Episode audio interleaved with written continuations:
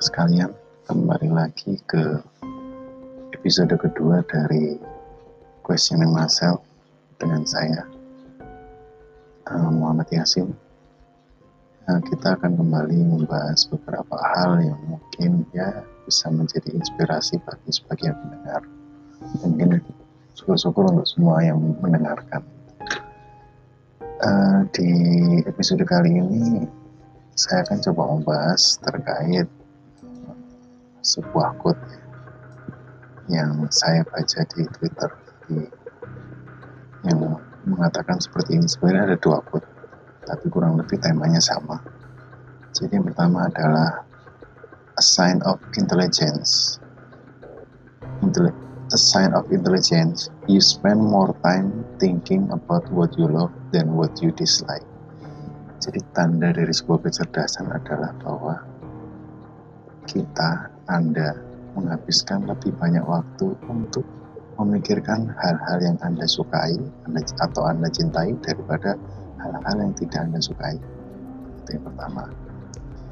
Yang kedua adalah jangan never allow anyone to walk through your mind with their dirty feet. Jangan beri kesempatan siapa pun untuk masuk ke dalam pikiran Anda dengan kaki kotor mereka. Jadi sebenarnya kurang lebih uh, ini adalah suatu bentuk uh, manajemen pikiran ya. Jadi emang pikiran manusia itu unik dan sayangnya memang kita ada punya tipikal atau kecenderungan bahwa kita lebih mudah untuk berpikir jelek daripada berpikir yang positif entah apakah karena lingkungan atau karena dari kecil itu terlatih seperti itu atau gara-gara media kita jadi terlatih untuk berpikir negatif ya kan? Atau memang naluriah kita aja berpikir negatif. Makanya kan kalau dipikir-pikir hal-hal yang bombastis yang sifatnya seperti itu ya kayak berita gosip segala macam yang artis ini cerai terus ini selingkuh segala macam itu kan lebih menarik pembicaraan perhatian kita itu kalau zaman dulu ada koran tuh kalau di yang kurang lebih sama modelnya. Di Jawa Timur itu ada koran yang namanya memorandum ya kan? itu isinya begitu beritanya tuh.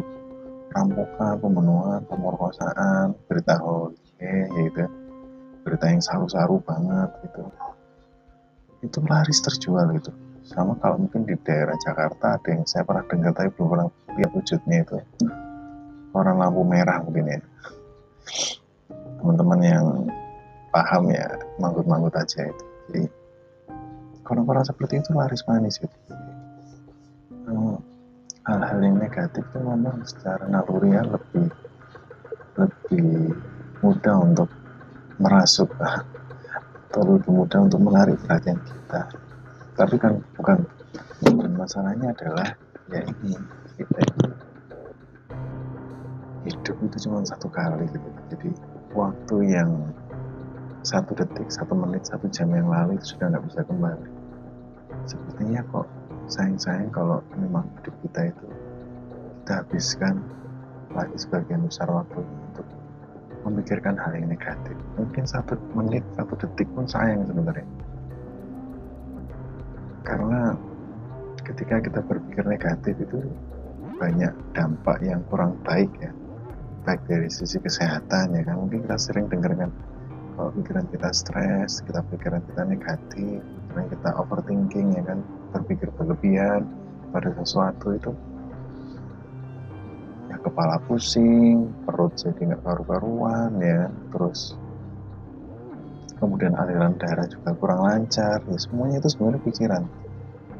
Psikosomatis ya kan? Apalagi di saat seperti ini ketika masih dunia masih belum begitu mendapatkan solusi yang clear ya terkait virus corona ini. Jadi kita memang harus pintar-pintar ya masing-masing untuk menjaga pikiran kita ya. karena dampak psikologisnya luar biasa memang ketika corona ini. Bukan berarti ketika kita tinggal di rumah itu masalah semua selesai, enggak ada, ada masalah baru ya. Stres ya kan, terus bosen ya kan, makanya kalau kita lihat tuh kalau di sini kan ketika PSBB di Jakarta PSBB dilonggarkan orang udah kayak langsung kayak udah kayak ya cuma ya. Saya sampai ekstrim itu begitu. Saya pernah lihat tuh kayak ada CFD itu.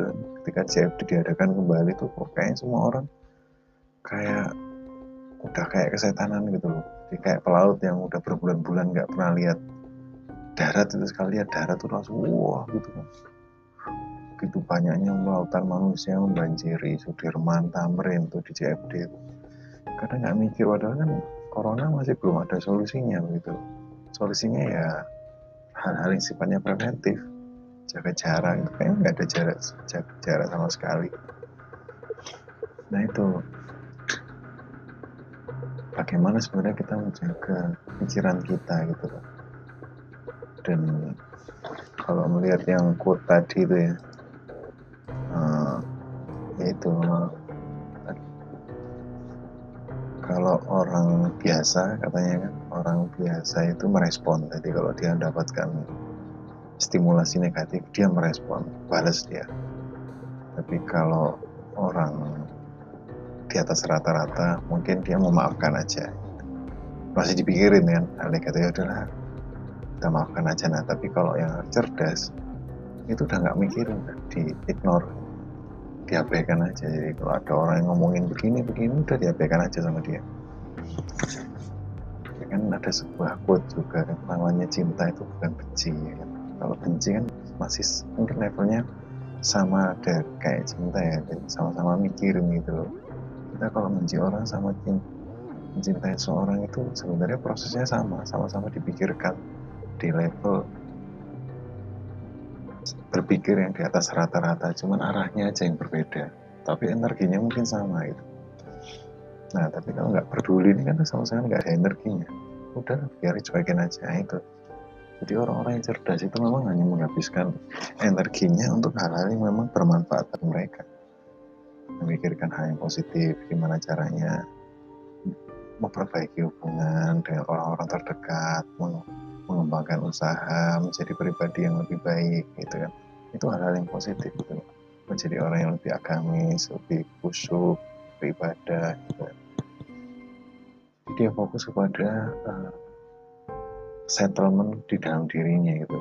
Jadi kan ada pepatah lagi yang serba pepatah ini bahwa kemarin saya pintar karena saya ingin merubah dunia hari ini saya bijak karena saya ingin merubah diri saya sendiri. Nah, jadi di era yang seperti sekarang ya, apalagi begitu banyaknya distraction ya, apalagi setiap orang itu pegang sosial media, setiap saat, setiap detik kita bisa mengakses segala hal yang mungkin bisa bikin emosi emosi kita jelek gitu kan atau mood kita jadi jelek, pikiran kita jadi nggak karu-karuan. Melihat berita kerusuhan, melihat berita politik, apalagi kan ini kok orang ngomong seperti ini, ada orang yang melakukan hal seperti ini yang nggak masuk akal buat kita ya.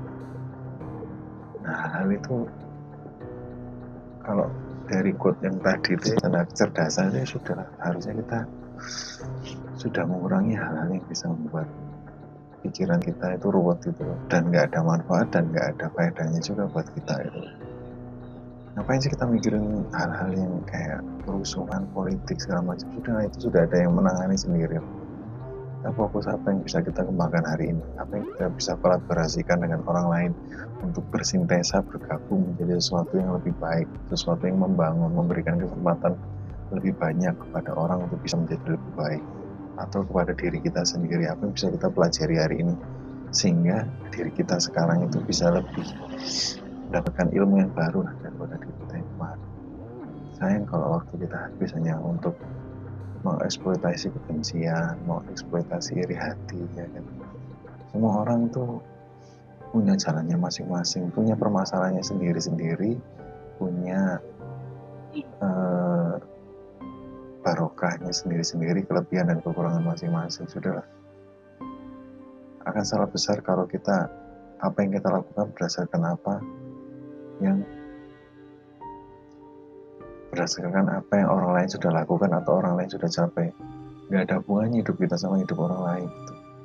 Kalau orang lain sukses menjadi seorang pengusaha ya bukan berarti kita juga harus menjadi seorang pengusaha ya karena sukses ini kan masing-masing interpretasinya orang beda gitu ya mungkin kita bisa menjadi seorang karyawan tapi cukup bahagia dengan apa yang kita lakukan pencapaian. Sukses ini kan sebenarnya feeling ya kan. Feeling bahwa apa yang kita lakukan hari ini lebih baik daripada kita yang kemarin. Kita merasakan bahwa ada progres dalam diri kita itu.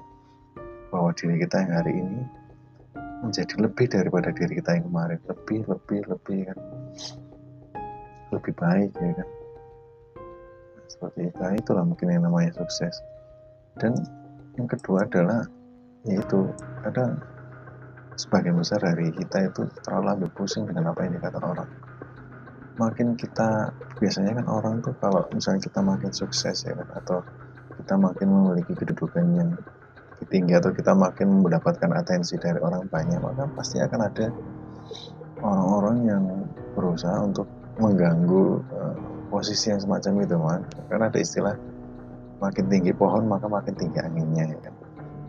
Nah, seperti itu apalagi kayak anda sebagai seorang jadi seorang pemimpin wah itu cobaannya banyak gitu. Gangguannya banyak mungkin. Gangguan dari yang paling masuk akal sampai nggak paling nggak masuk akal yang kita nggak nyangka bahwa ini orang bisa ngomong kayak begini ya. Nah, itu. Dan sekali lagi ini semua hanya tinggal manajemen respon kita pikiran kita gitu apakah kita akan membiarkan orang yang gak jelas gak jelas itu mengganggu pikiran kita dan akan menyeret kita ke dalam level mereka menjadi sama-sama gak jelas atau kita fokus saja pada hal-hal yang membuat diri kita pada orang-orang yang berada di bawah tanggung jawab kita untuk bisa menjadi lebih baik. Nah itu kembali ke pilihan kita. Semua itu nggak gampang karena sekali lagi berpikir negatif itu sebenarnya bakat dari semua manusia mungkin ya. Sedangkan berpikir positif itu kayak kayak sesuatu yang harus dilatih itu kayak ngejim gitu loh harus kita usahakan gitu. Namanya orang ngejim olahraga kadang mungkin harus dipaksakan dibiasakan itu kan bukan berarti nggak bisa. Apalagi kita apabila kita sudah biasa olahraga biasa ngejim ya kan kita lambat laun akan mendapatkan manfaatnya. Oke paling nggak badan kita terasa fit lah di jangka waktu secara jangka panjang itu begitu juga dengan pikiran. Kalau kita sudah membiasakan hanya berpikir hal-hal yang punya manfaat memberikan manfaat yang jelas bagi diri kita dan orang-orang yang terdekat dengan kita orang-orang yang berada di bawah tanggung jawab kita. Maka ya lama-lama kita nggak akan ambil pusing. Nggak peduli mungkin sama suara-suara sumbang yang nggak jelas. Mending kalau kritik membangun tapi kalau cuma hinaan cuma caci maki cuma kritik yang membabi buta nggak jelas ya sudah mungkin orang kan bisa jadi iri ya kan?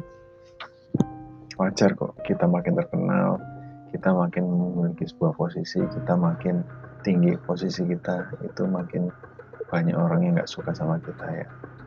Kita kalau berharap semua orang suka sama kita pasti ada yang salah sama kita. Kita nggak bisa bikin suka semua orang nggak bisa menyenangkan semua orang. Pasti ada orang-orang yang nggak suka dengan apa yang kita lakukan walau apa yang kita lakukan kita baik. Walaupun apa yang kita lakukan itu baik. Ya sampai kalau misalnya seorang juru selamat seorang nabi seorang rasul aja yang jelas-jelas memberikan pesan-pesan baik masih dicaci maki masih dilemparin batu ya kan? Masih difitnah segala macam di ya seperti itulah. Nah kita mau mengharap apa? Ya sudah lah kalau kita tujuan kita sudah jelas visi kita jelas goal kita jelas sudah kita hanya fokus ke situ aja. Yang lain itu sudah nggak penting nggak nggak esensial gitu loh. Apa-apa yang nggak esensial dalam kehidupan kita yang cuma menghalangi langkah kita yang bikin kita terseret kembali ke level yang yang buruk yang negatif itu kan yang nggak membangun sudah kita buang jauh-jauh. Jangan berikan kesempatan kepada orang lain atau siapa pun untuk masuk ke pikiran kita dengan kaki kotor mereka. Kaki kotor itu kan udah kotor pasti meninggalkan jejak kan ini sehingga kita harus bersih bersih udah nggak jangan kasih kesempatan. Dan yang kedua yaitu tadi kalau memang kita ingin menjadi seorang yang cerdas lebih baik fokus kepada apa yang kita sukai. Dan tidak usah terlalu serius memikirkan hal-hal yang membuat kita jadi kacau, jadi negatif, atau hal-hal yang tidak kita sukai, nggak usah dipikirkan. Hidup ini sekali, waktu itu tidak kembali, manfaatkan sebaik mungkin. Uang bisa dicari, tapi waktu tidak bisa dicari.